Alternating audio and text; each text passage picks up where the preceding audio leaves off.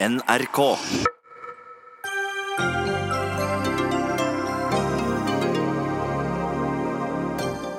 Hvordan kunne reiseoperatøren Thomas Cook kollapse totalt etter å ha solgt reiser gjennom 178 år? Kommer resten av reiselivsnæringa til å lide samme skjebne? Migrenepasienter må betale over 5000 kroner i måneden for medisinen som kan gi dem mulighet til å jobbe og fungere i hverdagen. Regjeringen syntes det ble for dyrt med blå resept. Årets viktigste klimamøte er i gang. Erna Solberg står på talerstolen i FN, og jammen dukket ikke Donald Trump overraskende opp også. Og en barnebok er meldt inn til Likestillings- og diskrimineringsombudet for rasisme. Når voksne lar seg krenke av en barnebok, er det som regel ikke boka det er noe feil med, mener Norske Penn.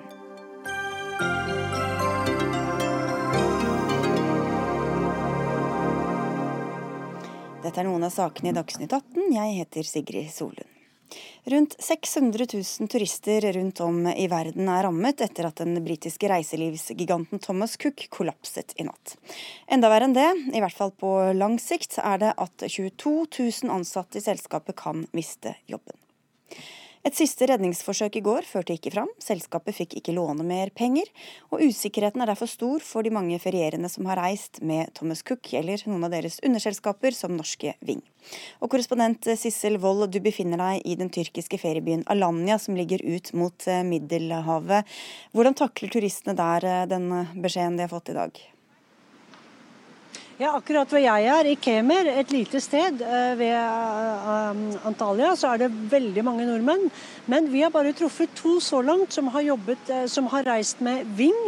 Og de har forsøkt, den ene av dem, i hele dag å få kontakt med Ving. De har ikke svart på noen telefonoppringninger.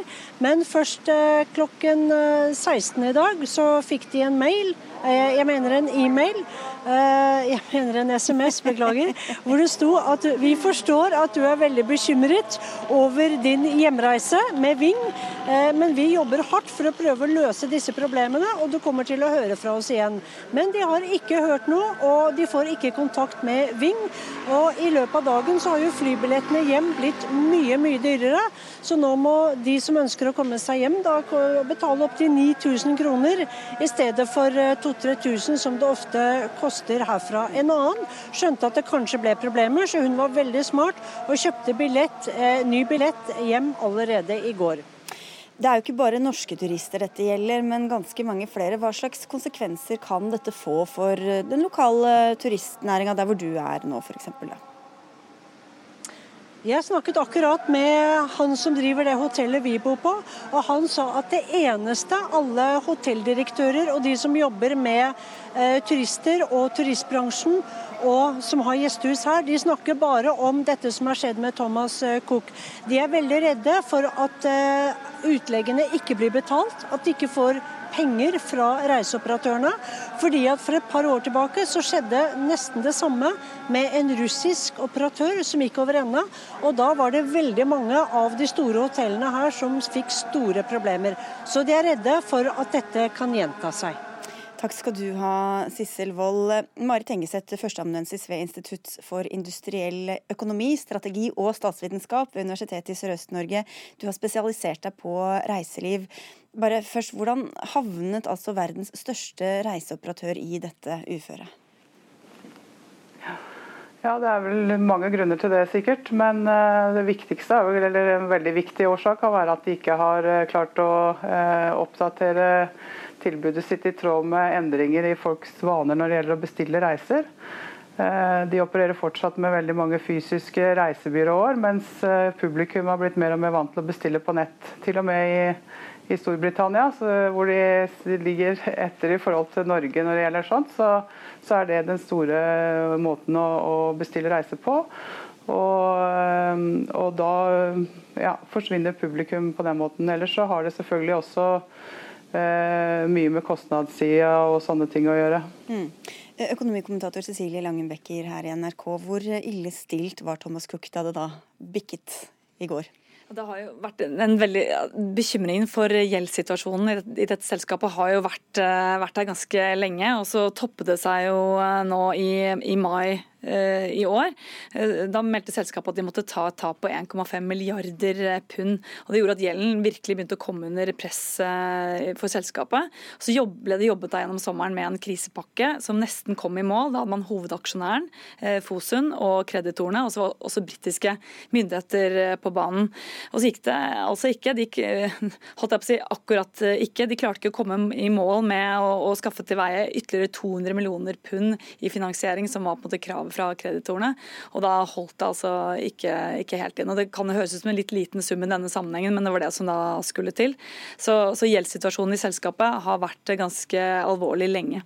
Hva kan være konsekvensen av dette, her, bortsett fra strandede turister? Det er jo som Sissel Wold er inne på nå, eh, i tillegg til de strandede turistene, så er det jo alle disse destinasjonene rundt omkring. Eh, uansett eh, hvor man ser egentlig. F.eks. på de greske øyene så har jo, den, har jo en reiselivstopp vært ute i dag og sagt at nå har vi opplevd jordskjelvet, og nå venter vi bare på tsunamien. Og det er spesielt som vi har vært inne på tidligere her, alle disse hotellene som kanskje ikke har fått betalt i det hele tatt på forhånd. De venter på betaling allerede for flere måneder tilbake. Det er fortsatt høysesong eh, f.eks. i Hellas. Eh, frem til 15.10 regner man som høysesong. og Da er det ikke forventet heller at eh, de nødvendigvis kommer til å få betalt fremover. Så for reiselivsindustrien i mange land som har det tøft økonomisk, de kommer til å merke dette her, helt klart. Hvilke andre ringvirkninger og konsekvenser kan, kan dette føre til, Engeseth? Nei, altså det er jo, som er inne på her, disse små og mellomstore bedriftene, og også store bedrifter, som er veldig avhengig av denne inntekten, eh, og, og lokalsamfunn rundt omkring. Eh, på kort sikt, vil jeg si. altså På lang sikt så vil det jo komme andre aktører eh, på banen. Eh, men problemet i reiselivsbransjen er jo at det er veldig lav inntjening eh, generelt. Og, og, et sånt tap som dette her kan bli veldig vanskelig for mange bedrifter å dekke på. da. Eh, så Det kan jo føre til flere konkurser og arbeidsledighet eh, nå umiddelbart, men på sikt så vil det vel kanskje andre selskaper komme inn og ta over markedet mm. som dette etterlater seg. Men det er jo snakk om veldig store mengder. da. Ja, for jeg lurte på, på konkurransen her. Er det, er det, andre også som befinner seg i samme situasjon som Thomas Cook? Jeg tror i hvert fall ikke så eh, Nei, ikke på denne måten. Men det som er kjennetegnende med denne måten å drive på, eh, type reisebyrå hvor man selger ferdigpakker primært, eh, og at man kanskje ikke har vært flink nok til å oppdatere seg på nye løsninger for å selge tjenester på nett der folk er inne og kjøper eh, flybilletter og hoteller selv, både for å få lavere pris, men også for å få større fleksibilitet, og fordi det er en opplevelse i seg sjøl. Eh, så, så, vil, eh, så, så vil de som ikke er oppdatert på, på dette området, de vil jo merke det. I tillegg så er det sånn at De som kjøper denne type ferdigpakker, som Thomas Cook veldig, selger veldig mye av, de gjør det primært pga. tryggheten som ligger i det. Det er en, et viktig motiv for å, å, handle på denne måten, viser vår forskning. Og, og når den, en sånn hendelse som dette inntreffer, så, så, vil man kanskje etter hvert tenke at ja, det er kanskje tryggere å bestille selv, istedenfor å kjøpe en ferdig pakke. Mm. Eh, så at det vil på en måte bare forsterke den problematikken. da. Vi hørte Langenbøke litt misnøye med informasjonen norske turister har fått fra, fra Ving, altså et datterselskap eller underselskap. Ehm, de sier selv at de har økonomi til å fortsette, og så har du kikket litt på tallene. Er det grunn til å tro at de overlever? Altså, Den norske delen av Thomas Cook, eh, som jo da går under navnet Ving Norge, de gjør det jo kjempebra. De hadde et overskudd på 150, over 150 millioner kroner i, eh, i, fjor. De har 40% av det norske chartermarkedet. Så Sånn sett så har de økonomi til å drive videre fremover. De er en selvstendig juridisk eh, enhet. Nå har vi ventet i hele dag nærmest på at det skal være en pressekonferanse hos Ving, at de skal gi litt mer informasjon om hva som kommer til å, skje. Så det er mye spekulasjoner her. Men Ving Norge er jo en del av eh, den nordiske delen av Thomas Cook, sammen med da Sverige, Finland og, og Danmark. Eh, og denne, hele denne delen av virksomheten er veldig lønnsom eh, og går med flere hundre millioner kroner i overskudd, sammenlignet da med den britiske delen av virksomheten som går med underskudd. Så her er det da et håp om at man kanskje får en kjøper på banen, slik det også har vært tidligere, som kan kjøpe hele den nordiske delen av, av Thomas Cook, og at man da kan drive videre på et eller annet vis. Oss. Vi har jo vært i kontakt med Ving, selvfølgelig. De ønsket ikke å komme til oss, men tusen takk til dere som eh, gjorde det. Martin, eh, nei, Marit Engeseth unnskyld, og økonomikommentator Cecilie Langenbecker. Dagsnytt 18 alle hverdager klokka 18. På NRK P2 og NRK2.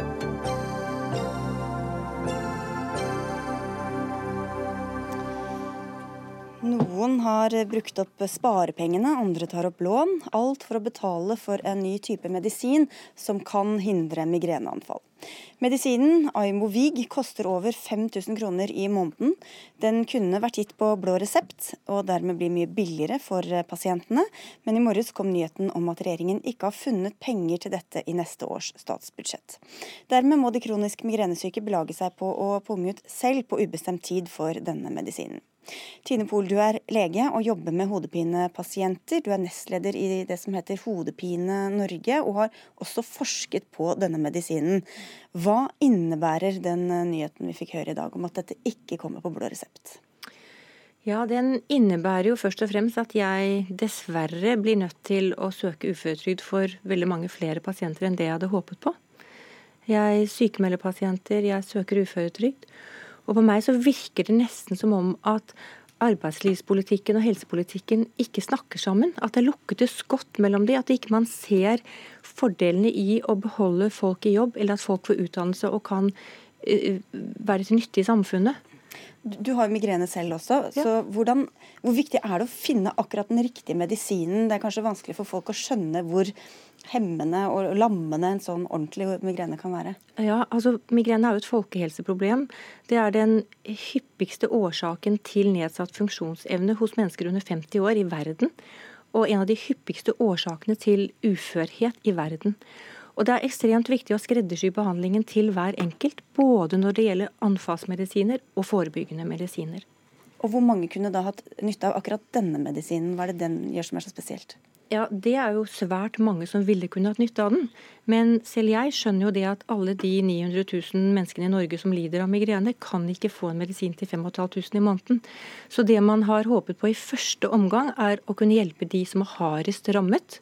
Og det er de som er kroniske allerede. De som har altså gått fra å være episodiske til kroniske.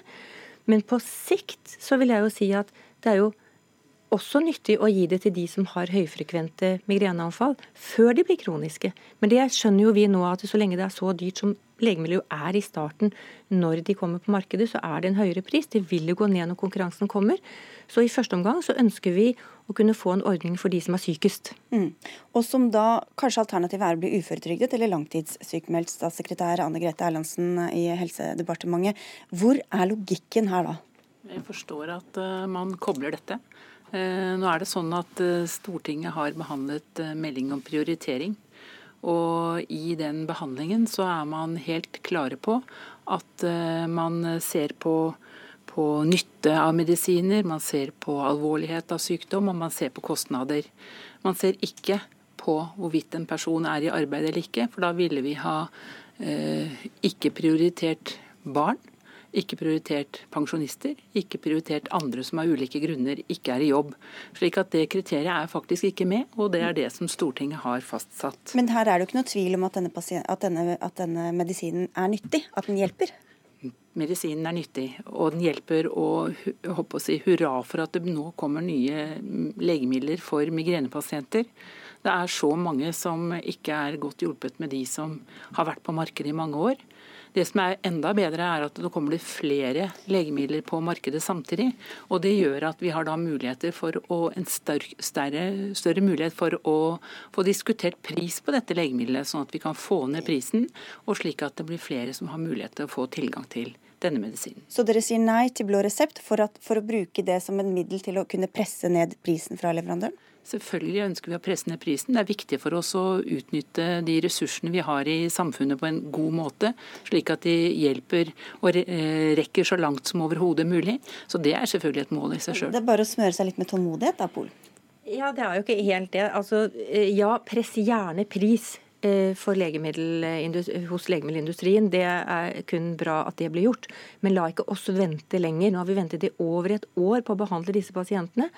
Og, og, de mister tålmodigheten. og Mange har tatt opp lån i huset sitt, eh, fått eh, hjelp midlertidig av foreldre. Og det å gå tilbake nå på de som har trodd de skulle komme, for det har jo hele tiden ligget i kortene at det skulle komme snart. Eh, og ta den medisinen på en måte fra det igjen fordi de nå ikke har råd til det lenger. Og det er beskattede penger man bruker på det. Vi får ikke fradrag på skatten for det heller. Eh, å ta det fra det igjen er nesten umenneskelig. Så vi har ikke så mye tid. Så dere må gjerne, altså Hvordan dere organiserer det, men vi må få en midlertidig løsning nå. Vi kan ikke vente et år til. Det håper jeg at vi ikke behøver å vente et år til. Eh, og jeg syns det er viktig at vi også forteller de som eh, nå har opplevd å ha nytte av det, at eh, vi håper å få på plass en, en, ordning som gjør at vi kan komme i mål før vi legger fram et statsbudsjett for 2021. Fordi det er det som er, er hele saken her. Det er at utgifter opp til 100, 000, nei, 100 millioner kroner. Eh, det må vi til Stortinget med. Jo, eh, men for, for dem det gjelder, så betyr det da kanskje 60 000 kroner i, i, utgifter, mens de venter på at dere skal inn i forhandlinger. Og selv om du sa at man ikke skal ta hensyn til samfunnsnytte som sådan, så hører hvis alternativet er at folk kan gå ut i jobb eller ikke bli langtidssykmeldt, hvorfor ikke i hvert fall ta det med i betraktningen? Og Det er faktisk slik Stortinget har fastsatt at vi skal gjøre det. Så Derfor så er ikke det en del av det grunnlaget for hvordan vi vurderer når vi prioriterer. Og Jeg forstår at det høres rart ut, men nå snakker vi om ett legemiddel. Vi må snakke om vi må ha prioritering for eh, hele befolkningen, for alle mulige tilstander for øye når vi jobber med prioritering. Og det er det vi også må gjøre nå, selv om denne situasjonen virker urimelig. Det forstår jeg. Du skal få svare, så skal vi slippe en til, Polen. Pol. Ja, eh, jeg skjønner jo den prioriteringen, og jeg skjønner jo det veldig godt at man må det. Men vi kan altså ikke vente et år til på det. Og jeg hadde håpet vi kunne få til en løsning med midlertidig individuell refusjon. Og det kunne virke som det kanskje kan være vilje til, men jeg snakket med Steinar Madsen i Legemiddelverket i dag, og han var helt negativ til det. Og sa at det er ikke eh, Og det mener jeg det er jo dere som politikere som må si at det kan la seg gjøre, for det kan jo la seg gjøre. Ja, det, og ikke la de bestemme det. Ja, Er det aktuelt å, å, gi de aller sykeste pasientene, de som har aller mest nytte av denne, av, den, av denne medisinen, en individuell refusjon? Nå er det sånn at Den muligheten for individuell refusjon er sterkt begrenset. Eh, I og med at vi har eh, fått Stortingets eh, godkjenning av hvordan vi skal gjøre prioriteringer. Fordi Det som skjer da, det er at det er de som, som tilfeldigvis klarer å få noen til å søke for seg, som, som får hjelp. Nå snakker jeg generelt og ikke i forhold til migrenepasienter. Og, og det, er en, det, er ikke en prioritering eh, som vi som samfunn kan stå for. Ingvild Kjerkol, helsepolitisk statsperson i Arbeiderpartiet. Dere kritiserer jo regjeringa her, men de følger jo egentlig bare Stortingets eh, retningslinjer, da? Nei, vet du, det her er en ansvarsfraskrivelse. fordi at uh, dette legemiddelet er vurdert å ha nytte. Grunnen til at uh, man ikke kunne beslutta det her fra Legemiddelverkets side, det er jo denne grensa på 100 millioner. Da blir det en sak for departementet, en sak for Stortinget. Da blir det en politisk sak. Det viser at prioriteringskriteriene, de virker. Det er regjeringa, Høyre, og sine samarbeidspartier som må forklare hvorfor de ikke har prioritert disse pasientene. Hvert eneste statsbudsjett som denne regjeringa har lagt fram, så har det vært nye satsinger. Så, så når dere kommer med deres alternative budsjett eh, litt senere i høst, så ligger det inne 100 millioner kroner til migrenepasientene i året? Vi vet ikke hva prislappen er. Vi vet at den er over 100 millioner. Det som er kjente prisanslag, det er på over 200 millioner, og så har man forhandla ja. Men vil dere med... legge inn penger til det i deres alternative budsjett? Ja, vi mener i hvert fall at dette er en pasientgruppe som har blitt endelig fått håp om et bedre liv, og det er mange som har begynt å bruke denne medisinen. Og for dem er jo det her et tilbakesteg. Ja, men... Og vårt helsebudsjett det har vært større enn regjeringa sitt i alle de årene som kommer. Vi har også lagt inn penger til hodepinesenter i vårt alternativt budsjett for i år. Så vi mener jo at det burde, burde vært mulig å prioritere denne gruppen. Ja, for dere ville prioritert det, det er det, det, er det du sier? Ja, det ville vi gjort. Det er alltid enklere å prioritere når man sitter i opposisjon, så Nei, det kjenner vi jo godt til. Men, eh, men, det som vi gjør denne gangen her, og det er det som er egentlig grunnen til at det var en nyhet på NRK i dag, det er nettopp at vi fordi vi ser at hvordan skal vi få til å hjelpe de pasientene som eh, Tine Pol behandler eh, hver eneste dag. Jo, vi har nemlig ikke hatt dette som mulighet før, at vi har kunnet be Statens legemiddelverk ved, med andre hjelpere også, om å gå inn og gjøre prisvurderinger på denne måten. Så Det er en nyhet, og det er det vi nå gjør.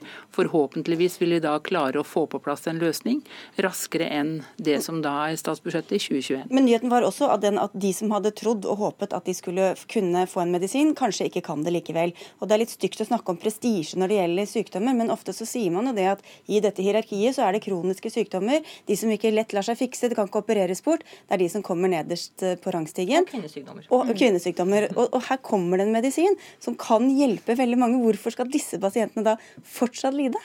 Dette er fordi at vi er nødt til å forholde oss til de, de, prioriteringskriteriene vi har fastsatt. Eh, og når vi gjør det, så følger vi det som er eh, gjort vedtak om. Men dere kunne valgt annerledes? Dere kunne bedt Stortinget om å bare bevilge mer penger? Ja, det er jo selvfølgelig en sak som er vanskelig for meg å diskutere, fordi det handler om et statsbudsjett som ikke legges frem før 7.10. oktober. men det som jo er det som Dere hadde et bompengeforlik tidligere ja, i sommer f.eks., så noe, det er jo prioriteringer som ligger der på ja, forhånd. Ja, og jeg kan ikke sitte her og si noe om hvilke prioriteringer prioriteringer som ligger i statsbudsjettet som ikke er lagt fram ennå. Det beklager jeg og bare måtte ja, si det sånn. Sånn er det, det skjønner vi. Men okay. Fins det muligheter? Er det fortsatt en lite håp om at man kan legge det inn i budsjettet? For jeg tror det er den raskeste veien, fordi det virket ikke som det var særlig vilje i Legemiddelverket. Og der sier de også 'the winner takes it all', at det er kun ett preparat. Vi er nødt til å ha alle tre preparatene som kommer. Kan, for de er forskjellige. Det er forskjellige eh, eh, de virker på. Var det slik at det er vi som gir oppdrag til Statens legemiddelverk? Ja, det er ikke Statens legemiddelverk som gir oppdrag til oss. Utmerket, takk.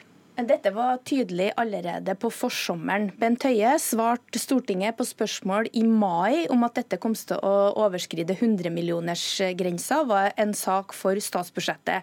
Forrige uke så kom det en lekkasje fra statsbudsjettet om at man ville fjerne skjermingstillegget for uføres pensjon. Denne uka kommer det nyhet om at migrenepasienter ikke kan forvente å få prioritet hos regjeringa. Og Det er jo en grunn til at dette kommer nå. Det er jo fordi at man vil fortelle de gode historiene om det statsbudsjettet budsjettet man legger fram om halvannen uke. Eh, og jeg syns det er å skuve prinsippene foran seg når man sier at det her er man nødt til pga. prioriteringskriteriene. Hvis man legger prioriteringskriteriene til grunn, så er det her et legemiddel som har nytteeffekt, og som Legemiddelverket sier at disse pasientene bør få.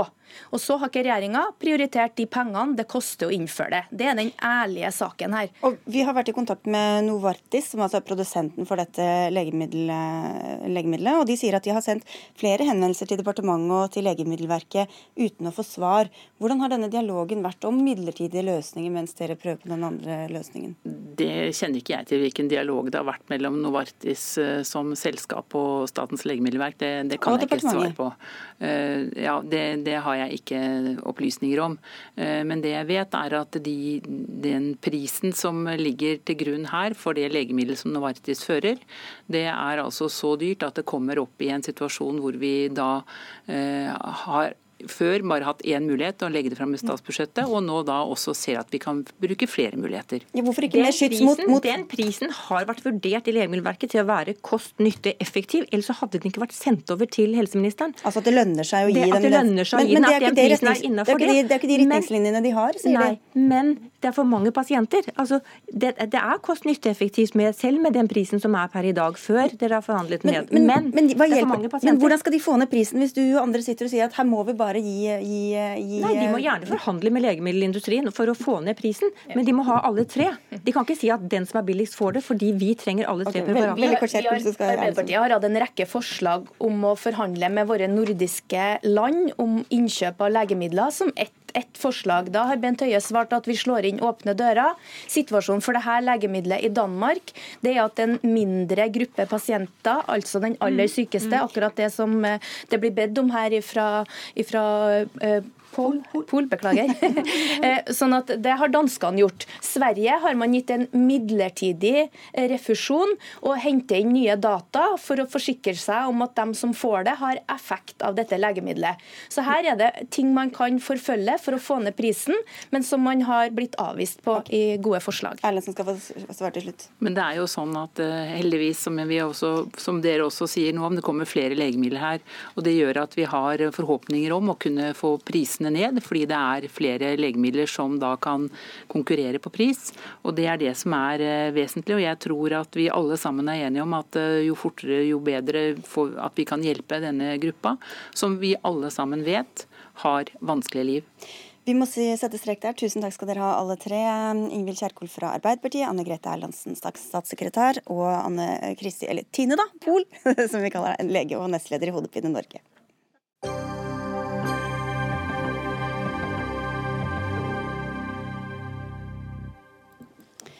Snart her i Dagsnytt 18 skal vi til New York, hvor Erna Solberg, så vidt jeg vet, nettopp har holdt eller holder tale under det ekstraordinære klimatoppmøtet. Men ikke riktig ennå.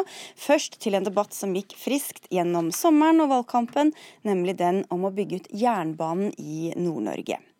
Enda friskere ble debatten da samfunnsøkonom Steinar Juel i Civita i en kronikk i Dagens Næringsliv stilte spørsmålet hva om Nord-Norge selv finansierer Nord-Norgebanen? Før han konkluderte med at hver husholdning der da ville tape en halv million kroner hver på prosjektet. Før du da, politisk redaktør i Nasjonen Cato Nyquist, grep tastaturet i egen, din egen avis og beskyldte Juel for å være både nedlatende og polariserende da han tok kalkulatoren fatt. Hvorfor slike ord? Ja, nei, jeg ble, må jo si på, at, eh, på vegne av mine nordnorske venner, så blir jeg eh, litt irritert, rett og slett. Dette er en type regnemetode som er jo egnet til å på en måte, for det første være Det som er nedlatende i det, da, er at, at han på en måte sier at hør nå her, kjære venn. Hvis du hadde, bare hadde betalt det her sjøl, så hadde du forstått hvor latterlig dyrt prosjektet er. Og, og for det andre så eh, er det en eh, underliggende premiss her at eh, nordlendingen, fordi, han, altså fordi det er færre nordlendinger enn østlendinger, så vil prosjektene bli dyrere i Nord-Norge. Og det underliggende premisset er da at, eh, at, nordlendingen lar andre betale for seg. Og det, det vil jeg tro vekker harme i Nord-Norge. og og, bidrar til å, å, å være polariserende mellom landsdelene. Noe som vi jo selvsagt ikke ønsker. Polariserende, Steinar Juel. Hva var det du egentlig ville med denne kronikken? Jeg ville vise, for, Formålet var å vise hva, hvor ugunstig eh, en, en forlengelse av Nordlandsbanen vil være, Nord-Norgebanen vil være, fra da Fauske til, til Tromsø. Uh, og det er, eh, det er, snakk om da over 100 milliarder kroner i tap. Eh, så, og Når man snakker om 100 milliarder, så er det penger som, så, så er det store, store tall som, som, man kanskje ikke greier å forholde seg helt til.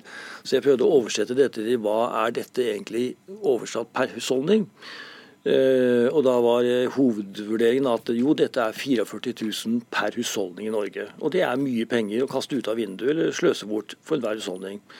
Det var hvis alle skulle spleise? Nei, alle skulle spleise, som egentlig er det som er utgangspunktet. Så sa jeg vil dette se da annerledes ut dersom man gjorde det Nord-Norge selv skulle betale for det. Og da vil det være en halv million. Og Poenget med det var å vise at uh, de fleste av oss uh, sier ja selv til unyttige ting hvis vi får det omtrent gratis. Uh, kjempestor gave, det, det, gjør vi. Mens hvis vi selv må betale for ting, så tenker vi oss om to og tre ganger. Han bare synliggjorde hvor dyrt det faktisk blir, Nyquist. Hva er det som er så nedlatende og polariserende ved det? Ja, nei, også, jeg hører, jo, jeg hører jo at han mener at det synliggjør kostnadene, men eh, jeg har jo aldri hørt noen bruke disse regnemetodene eh, for å synliggjøre kostnadene ved store utbygginger i sentrale strøk. Jeg har aldri hørt noen problematisere at nordnorske husstander betaler eller spleiser for et Munch-museum, intercity-triangel på Østlandet, E18 ut av Oslo, ja, opera osv. Eh, så det her er på en måte eh, kun egnet til å, å, på en måte, å, å skyve fram det underliggende premisset som jeg sier, om at nordlendingen lar andre betale for seg. Og Det, det syns jeg er ufint, rett og slett. Ja, Det er helt feil. fordi Jeg, jeg har selv skrevet et uh, par ganger om, om norsk opera. At den syns jeg er galskap. At, skal, at, vi skal fellesskap betale for den. Et smalt uh, uh, et smalt uh, kulturtilbud til noen eliter som har råd til å betale med selv. Det er ca. 600 millioner i året som går til subsidiering av operaen. Uh, jeg har også skrevet om Holmenkollbakken i sin tid, så jeg har vært opptatt av uh, det jeg er opptatt av, er at man, man, som, når man forvalter fellesskapets penger, så er det viktig at man omtrent håndtere det like nøysomt som det er ens egne penger. Og Det er det jeg syns ofte svikter her. og Som det står også i innledningen til kronikken min, så er det, så er det, et, så er det et mer en, en kritikk av sånn som det politiske systemet fungerer. Nemlig at man lett syns at økte kostnader er helt greit, fordi man betaler ikke det selv. Dette er noe man bare sender regninger videre til, til den alminnelige folk, som da har slitt for sine skattepenger. Men jeg, jeg, hørte du sa at det var noe nærmest unyttig da du snakket om uh, denne baneforlengelsen. Mens andre vil jo være for det. Altså, næringsliv i nord vil få lettere kunne uh, bringe varene sine. Så hvorfor skal man i det hele tatt isolere det til noen få fylker, hvis det er noe som faktisk kan gagne hele landet som sådan? Ja, det er det som er tvilsomt. Fordi jeg tror eh, Mitt inntrykk er at alt, også næringslivet i Nord-Norge ikke er så veldig interessert i det. De er veldig interessert i opprustning av Ofotbanen, som da går fra Narvik og inn i Sverige, og så går ned til Så kan man ta tog og så videre Til, til Østlandet. 90 eh, av godstransporten av dagligvarer til og fra Nord-Norge foregår på Ofotbanen via Sverige. Det er mye raskere. Det er opptrapping også av fiskeksport som foregår den veien. Eh, så der er det en, absolutt en mulighet for å ruste opp det, mye mer enn å, enn å tenke i retning av å bygge Men ville du da ha tenkt at da skal, altså, vil du da ha gjort det samme regnestykket for den regionen, hvis det var oppbemanning dobbeltspor på Ofotbanen det var snakk om? Det, er et, det fremstår som et lønnsomt prosjekt. Så da, er det ikke, eh, gjør det ikke på den måten? Det vil ikke være et tap. Eh, fordi det som var snakk om her med Nord-Norgebanen, var at en utvidelse av den, der vil man omtrent taper hver eneste krone man putter inn i det. Mens her vil Ofotbanen så vil man tjene penger på det eh, samfunnsmessig. Men du er heller ikke, du er også skeptisk til jernbane så langt nord, Nykvist, Nyquist. Men hvordan skal man da argumentere på det på en måte som ikke vil få deg til å hente fram disse ordene du gjorde innledningsvis? Altså, Vi diskuterer jo økonomiske prioriteringer hver dag, men eh, uten å bryte det ned på hva hver enkelt landsdel eller hva hver enkelt kommune måtte betale av av eh, samfunnsmessige eh, investeringer. Eh, det blir jo holdt jeg på å si, like absurd hvis man tenker på inntektssida. Altså hvis man skulle forbeholdt olje- og gassinntektene til Vestlandet, Nord-Norge og Midt-Norge. Hvis man skulle ha forbeholdt fiskeriinntektene til, til Vestlandet og, og Nord-Norge, så hadde jo østlendingene sittet med skjegget i postkassa.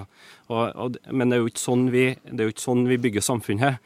Vi er jo et samfunn hvor vi spleiser på, på fellestiltak. Og så får vi ta en real politisk diskusjon om hva som er fornuftig å bygge ut eller ikke. Ja, for Da du hadde gjort dette med regnestykket med Operaen, så tok du ikke bare Oslo-beboerne eller Asker-beboerne og delte på, på dem? Nei, nei, altså jeg gjorde heller ikke det. Altså I en artikkel på 770 ord så var det 35 som dreide seg om akkurat det regnestykket som, som Nyquist nevner. Og som jeg sa, dersom man gjorde det, så vil det bli det. Det vil si, og det var for å få frem det, at en, hvis en selv må betale for ting, så er eh, mekanismen inni hodene våre, enten vi er østlendinger eller sørlendinger eller vestlendinger eller, nord, eller fra Nord-Norge, det er det samme. At vi, vi, vi tenker oss om eh, kost-nytte når vi må selv betale for det, sammenlignet med hvis vi ikke fordeler på alle. Jeg, jeg er ikke tilhenger av at vi skal dele opp landet. Jeg er ikke tilhenger av at vi skal ha sånne prosjekter som bare skal betales bare det ene og andre sånn. Så det er, Dette var et, et, for å eksemplifisere hvordan prioriteringene skifter hvis man må betale betale for det selv, sammenlignet med at man ikke betaler for det selv, eller lite for det. Nyquist til slutt. Ja, men de øvelsene, gjør, ja, de øvelsene gjør man jo aldri når det er snakk om, ja. om uh, dyre ting i Oslo omegn. Så jeg tenker at det, jo, det hadde vært like meningsløst om man hadde gjort det der. Det, det er feil. Du, du, får prøve å motbevise. Alt skal deles på de innbyggerne i Oslo fra nå av, Steinar Juel. Takk skal du ha begge to for at dere kom til, til Dagsnytt 18, Steinar Juel fra Civita og Cato Nyquist fra Nasjonen. Hør Dagsnytt 18 når du vil. Radio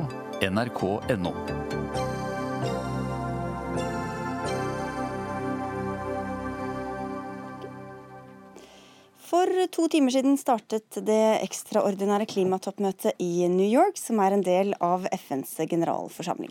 Det er generalsekretær Antonio Guterres som står bak dette initiativet. Formålet er å øke ambisjonene og fremskynde tiltakene for å nå målene i Parisavtalen. Og Erna Solberg går akkurat nå opp på talerstolen og skal komme med sitt eh, budskap. Men Veronica Westrin, korrespondent i, eh, i, eh, New York. Det er litt tidlig å si hva budskapet hennes var, men du har vel fått med deg litt av hva som var planene hennes å komme med i dag? Jeg snakka i hvert fall med henne da hun var på vei inn her tidligere i dag. Eh, hun har jo leda et havpanel, så hun har hatt med seg eh, konkrete mål for hva vi kan gjøre med havet for å få ned klimagassutslippene. Og har lista opp flere tiltak eh, som kan gjøres, bl.a. satse på mer fornybar energi. Eh, og eh, det er eh, flere ting, altså hvordan man kan få ned utslippene fra jordbruket ved å satse mer på eh, mat fra havet. Um, så, så, dette har Erna leda sammen med andre ledere. Det var en av de viktigste rapportene, eller den viktigste rapporten som hun hadde med seg. Men i tillegg så er jo skog et uh, viktig fokusområde for Norge, kanskje det aller viktigste. Og uh, Solberg har også deltatt på et møte med Macron tidligere i dag uh, om Amazonas. Mm. Det kom også en litt uventa gjest i dag. Donald Trump dukket opp. Ja. Ja, Det var ikke helt uh, eh, forventa. Han, uh, han, han, han, kom hit, uh, og det visste vi han skulle komme, men vi visste ikke at han skulle dukke opp på dette møtet. Så pressen som var med han var også litt overraska. Han kom hit og deltok en halvtimes tid på dette klimatoppmøtet, men uh, ja, det, hva, hva, han har sagt om det, det er jeg ikke sikker på, for jeg var ikke der akkurat da. Men jeg tror ikke han var på talerstolen, men at han satt og lytta. Mm. Og da fikk han kanskje med seg Greta Thunberg, som holdt en, eh, en tale i dag. Hva var det hun eh, sa, hva var hennes budskap? Ja, Det var et eh, sterkt følelsesladd innlegg, innlegg, som eh, Thunberg hadde her. Hun var nærmest eh, på gråten og hadde med seg budskapet om at det ikke gjøres nok. Hun henvendte seg direkte til verdens ledere og ba dem om å gjøre mer. Og dette er kanskje det sterkeste vi har sett fra henne så langt. Vi vet jo at hun har tatt turen hit i en seilbåt for å kunne delta på dette møtet, så det var tydelig at hun hadde lagt mye innsats ned i dette budskapet om at mer må gjøres. Hun skal... sa at hun aller helst skulle vært på skolen akkurat nå. Hun skulle ønske hun ikke var der. Vi skal høre litt mer om talen til Erna Solberg, men mens norske myndigheter er i FN, så er FN i Norge. I hvert fall en liten del av FN-systemet. FNs spesialrapportør på menneskerettigheter og miljø, David Boyd, har vært her i tolv dager og undersøkt hvordan Norge ivaretar forpliktelsene på disse områdene. Mr. Boyd, welcome to Dagsnytt 18. Thank you. It's delightful to be here. You've been 12 days in Norway. What is your conclusion? Uh, well, I've definitely been impressed by the beauty of this northern country, which reminds me a lot of my home in Canada, and also impressed by the generosity and kindness of the Norwegian people. In terms of my role as the UN Special Rapporteur on Human Rights and the Environment, though, I have to say that I've really encountered this Norwegian paradox, where Norway is, is really at the forefront in a number of aspects uh, in terms of climate and human rights, and yet, on the other hand, Norwegian greenhouse gas emissions have risen since 1990 rather than falling, and Norway continues to explore for additional reserves of oil and gas when we already know from the world's leading experts that we can't burn the reserves of oil, gas, and coal that we already have. So there's this really tension here. Mm. I'll just translate a bit as we go along. Okay, sure. han, han, snakker altså om dette kjente paradokset at Norge går foran på mange områder når det gjelder både menneskerettigheter og klima- og miljøarbeidet, samtidig som vi tjener penger på å hente opp og selge olje og gass, når verden har sagt at vi kan ikke utvinne alt det vi kjenner til av, av lagre. So this this paradox. You could argue that uh, the country, other countries, will just bring their oil and gas gas up instead of us. So why should just we let everything lie? Well, I think that Norway has uh, achieved great wealth through its petroleum industry, and with great wealth comes great responsibility. In many ways, Norway has been a leader uh, beyond its small size in the fields of international human rights, in the fields of international environmental law.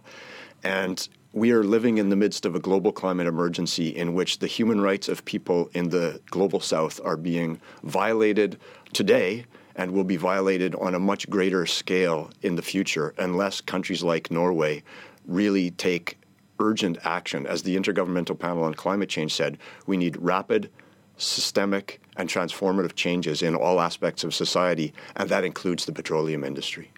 Ja, Vi har altså tjent oss rike og har muligheten til å gå foran og vise at her kan man eh, kutte og la olje ligge. But do we know that that would cut emissions on a, in a global scale if we didn't get, search for more oil and gas? Uh, it would certainly cut emissions on a Norwegian scale, and I think that Norway has the ability to demonstrate that leadership. You know, 27 years ago, when Norway and other countries signed the UN Convention on Climate Change, the amount of the world's energy that came from fossil fuels was 81%. 27 years later, after the Kyoto Protocol, after the Paris Agreement, after all of these pledges and commitments, the percentage of the world's energy that comes from fossil fuels is still 81%. Uh, in light of the global climate emergency, we have to take much stronger action, all of us, and particularly those of us who have uh, the ability to do so. Ja, Alle må altså la fossil energi ligge, og særlig de som har mulighet til å gjøre det, og økonomisk mulighet til å gjøre det. But uh, you are, as you said, United Nations Special Rapporteur on Human Rights and Environment. Would you say that the Norwegian politics is, is breaking human rights in, in this area? Yeah, well, my first country mission before Norway was to Fiji, and I witnessed firsthand the devastating impacts that climate change is having on the people of Fiji right now. And that's entirely because of climate change, and it's climate change not caused by the people of Fiji, not caused by the people of the global south. It's caused by the emissions coming primarily from wealthy countries in the world. So I think all of the wealthy countries have a collective responsibility to take urgent and uh, systemic action to prevent human rights violations because those human rights violations are taking place and Norway as a country is contributing to those violations. Mm. Menneskerettighetene brytes altså rundt omkring, bl.a. på Fiji, hvor David Boyd akkurat har vært, og Norge er delansvarlig for det, sier han. I have to say thank you, Mr. Boyd, for coming to Dagsnytt 18. You can stay if you want, but we'll continue in Norwegian. So. I will, I'll, I'll listen with great interest. Thank okay. you. Uh, ja, Sveinung Rotevatn, statssekretær i Klima- og miljødepartementet. Du er med i den norske delegasjonen på klimatoppmøtet i New York. Vi hørte altså paradokset her med Norge som olje- og klimanasjon på en og samme gang. Det er ikke et veldig nytt paradoks. Og vi får jo også ros på mange områder, men hvordan blir dette møtt, bl.a. der hvor du er i New York nå? Ja, Det går det selvsagt an å mene at det eh, er et paradoks. Det er ingen tvil om at Norge har tjent seg eh, rike på å produsere fossil energi, som jo er eh, problemet vi forsøker å løse her. Samtidig er det viktig å understreke at vi nå føre en restriktiv politikk der vi f.eks. lar være å utvinne olje og gass i områder som Lofoten, Vesterålen og Senja, Jan Mayen, Skagerrak, Mørefeltet, iskanten, og ikke minst at vi satser tungt på karbonfangst og -lagring. Men når det er sagt, så er det i alle fall viktig for oss her å være en del av løsninga. Eh, og vi annonserer betydelige bidrag til en viktig del av løsninga på klimautfordringer. F.eks. den store jobben Norge gjør for å bevare regnskog i Brasil, eh, i Colombia, i Indonesia, der en oppnår gode resultat. Og Det å bevare regnskogen og skogene rundt omkring i verden, det er en tredjedel av den løsninga vi trenger for å nå de globale klimamålene fram mot 2030. Før du fortsetter, Rotevatn, så skal vi høre et lite klipp med hva Erna Solberg sa på talerstolen bare for noen veldig få minutter siden. Well, uh, excellencies and uh, delegates, we need to step up, to speed up and to scale up. This is the message that the young people across the world have given us. It is reinforced by the images of devastating natural disasters, uh, most recently from the Bahamas. Ok, Sveinung Rutevatn. Um, step up, scale up og speed up. Hva var det dere hadde med i bagasjen som kunne føre til en stepping up og speeding up og scaling up? For det første så er jo Norge et av de eh, dessverre ganske få landene som jo sier for å øke våre klimaambisjoner for å stramme inn vårt klimamål. Det jobber vi med, ikke minst i samarbeid med EU. Dessuten så har vi annonsert flere nyheter her. F.eks. at vi inngår et omfattende skogsamarbeid med Gabon i Afrika, som er et veldig viktig skogland, i tillegg til nye utbetalinger til Guyana. Så nevnte dere jo tidligere i sendinga det møtet statsministeren hadde i dag tidlig om den havinnsatsen som Norge gjør. Både for å redusere plastforurensning, men ikke minst også for å kutte klimagassutslipp, ta vare på klimaet og naturen. Så vi eh, gjør mye. Og så kan jeg selvfølgelig alle ønske at vi gjorde enda mer, men det vi annonserer her i New York, blir i alle fall tatt godt imot av eh, verdenssamfunnet. Vi får se hvordan det blir tatt imot her i studio. Ikke legg på, Rotevatn. Men Karoline Andaur, du er miljøpolitisk leder i WWF, Verdens naturfond, og representerer en av de 17 organisasjonene som gjennom Dagbladet kom med en appell til statsministeren i forkant av klimatoppmøtet. Hvordan vil du si at hun kom dere i møte nå for få minutter siden? Jeg vil si at Erna Solberg ikke leverte. Ikke på det nivået vi trenger å høre fra et land som sier vi skal være klimaledende. Da burde vi kommet med nye ting på bordet der vi hadde sagt vi er villige til å skjerpe klimamålet, vi er villige til å gå bort fra olje og gass, vi er villige til å se på oljeskatteregimet vårt og de tiltakene vi kan gjøre for omstillingen. Vi har mange muligheter, vi har lovverket. Det er egentlig bare å sette i gang med jobben. Og der ser vi at Erna Solberg holder igjen og ikke gjennomfører. Ja, hva rent sånn praktisk er det du hadde etterlyst, da? Nei, for så kunne en sagt allerede nå hva klimamålet burde vært. En trenger ikke å vente til neste år. En kan være en klimaleder ved å si at å legge press på EU, at alle landene i EU Noen har jo allerede, som Danmark, signalisert ganske skjerpa klimamål. Men allerede nå kunne Norge sagt vi bør kutte opp til 53% som vi har sagt er vårt krav i forhold til å se på Norges rettferdige ja, hva vi bør bidra med. I forhold til 1990 så bør vi kutte utslippene med 53 innen 2030.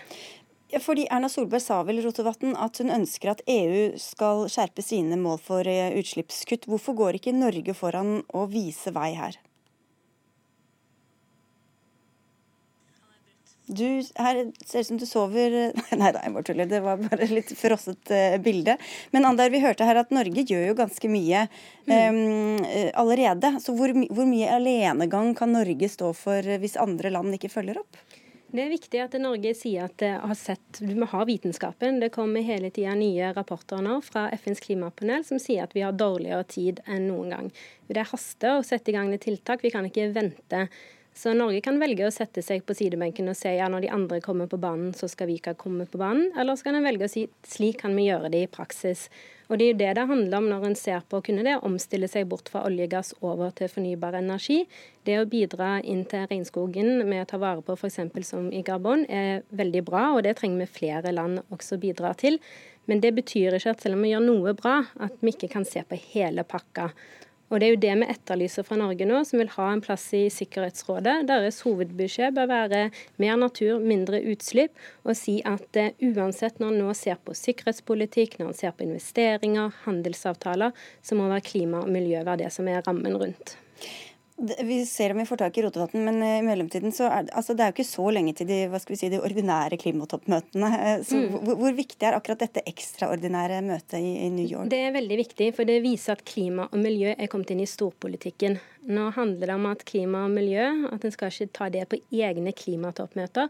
Dette skal være en sentral del av storpolitikken, altså realpolitikken på hvordan vi utøver og velger å forvalte verdens ressurser og de ulike samarbeidene en har på multilaterale nivå. Og hva, hva, håper du kan komme ut av det, da? Nei, altså, Guterres kom med noen veldig klare utfordringer til landene som deltar nå i, i New York. og Det ene er med at en skal fase ut kull innen 2020. En skal slutte å subsidiere eh, oljenæringen eller fossil næring. Og en skal være karbonnøytral innen 2050. Det vil egentlig si at alle klimautslipp må ned på null. Og da må jo Norge levere på den oppgaven og si at slik skal vi gjennomføre det. Og Da handler det om å ta egne utslipp her hjemme, og ikke bare se på hvordan en kan ha ulike mekanismer andre steder. Han sa vel også at ingen skulle få innta den talerstolen uten å ha ganske nye og gode virkemidler å komme med. Men Sveinung Rotevatn, er du med oss nå? Nei. Da mistet vi deg igjen. Men da får vi se når, det, når hun er ferdig på talerstolen, om det, om det, kommer noe nytt ut av det. Og så tror jeg vi sier tusen takk i denne gang og beklager litt dårlig teknikk. Takk skal du ha, Caroline Andaur fra WWF. Og thank you uh, very much uh, as well, uh, David Boy from the UNN. Takk, takk.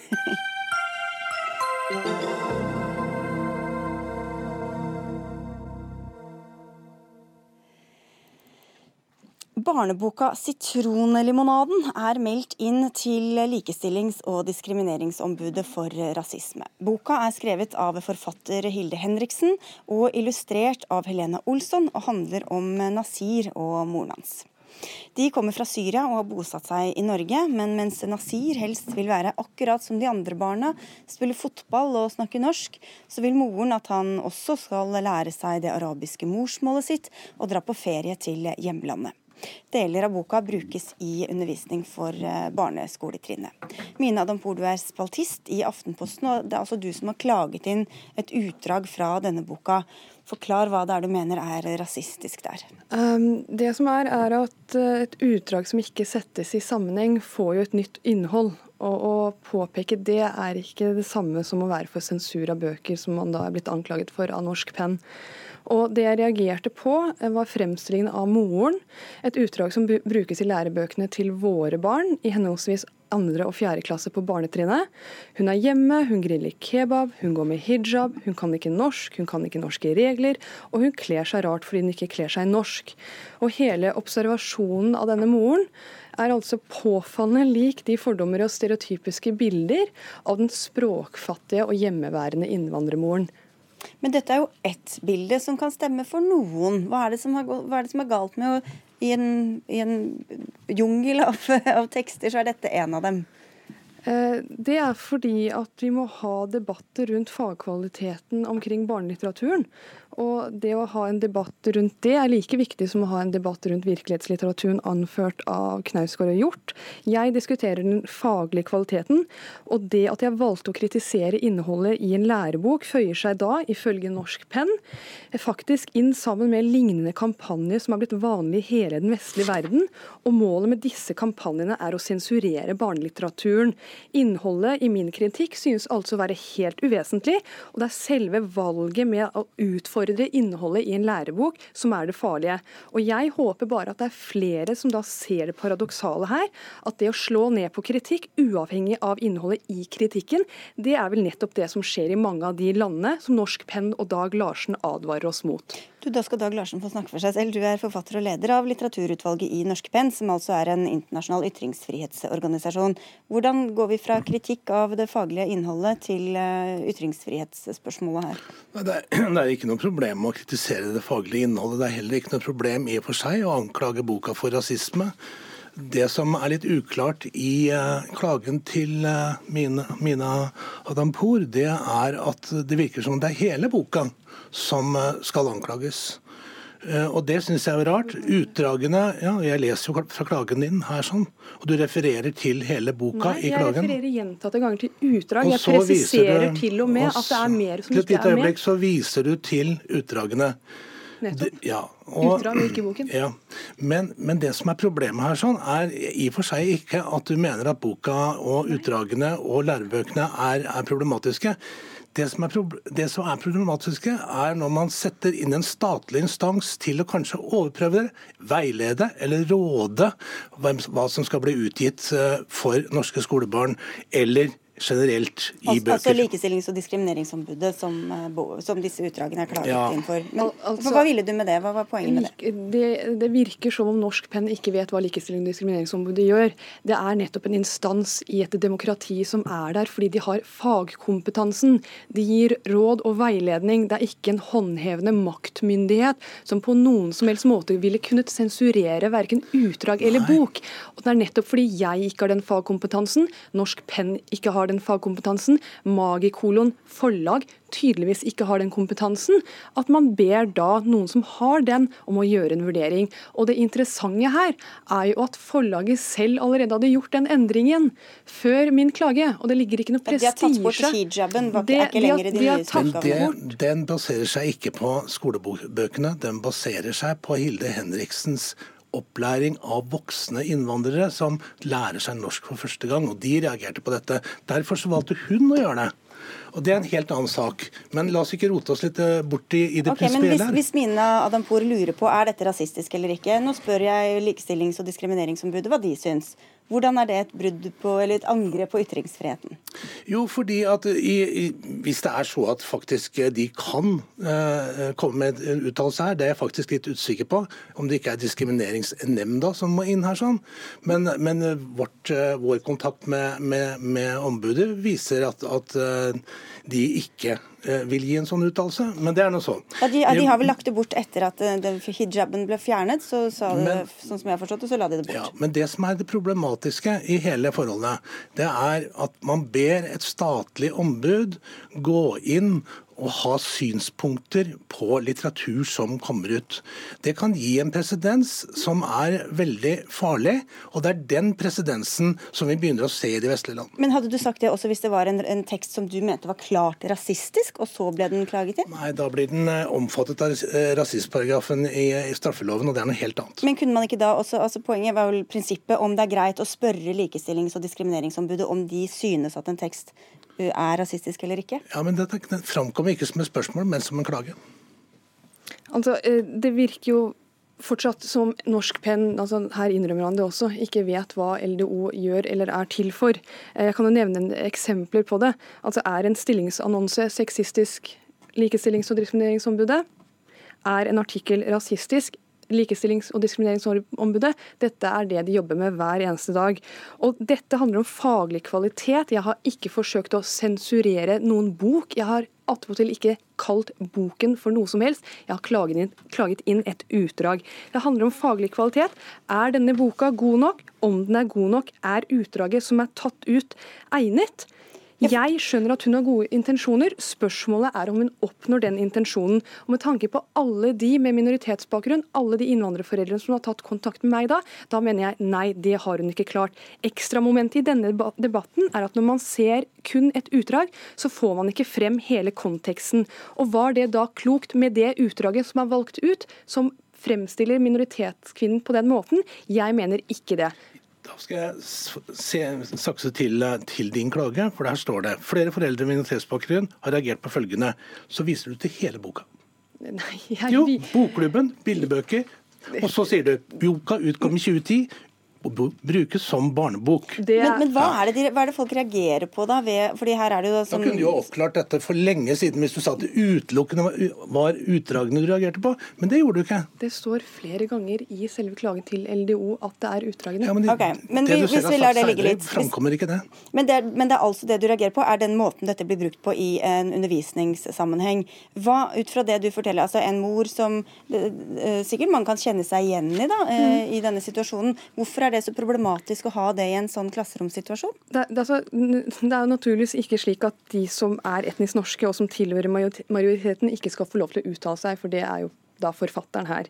Men noe av poenget er at det er en norsk kvinnes fremstilling og opplevelse av det å være barn av en flyktning fra Syria. Og det kan oppleves noe unyansert hos de som faktisk har opplevd å flykte fra landet sitt.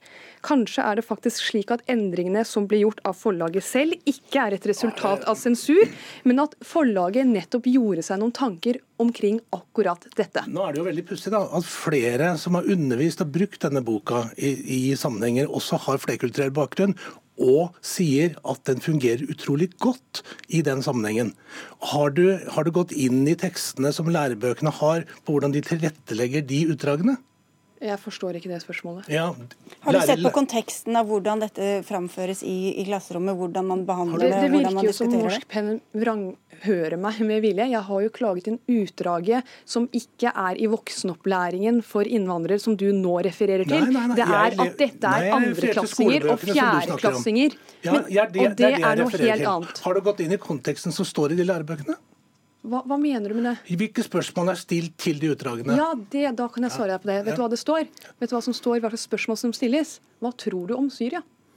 Det er de spørsmålene som står. Nei, det står mye Nei, mer enn det. det er de spørsmålene som står. Mye mer Nei, enn det. det er okay. ett av to spørsmål som står okay, men jeg har nettopp snakka med redaksjonen, så det stemmer ikke. Jeg ser at ti minutter ikke holdt eh, på å diskutere dette. Vi kunne sikkert holdt på lenger. Men eh, sånn er det.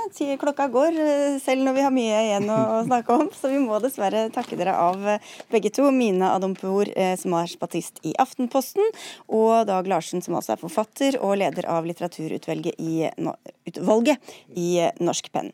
Dagsnytt 18 har ikke mer sendetid, så vi takker for oss. Dag Dørum, som var ansvarlig for sendinga. Lisbeth Sellereite, som hadde det tekniske ansvaret. Jeg heter Sigrid Solund, og vi ses igjen i morgen den dag. Så ha en riktig fin kveld.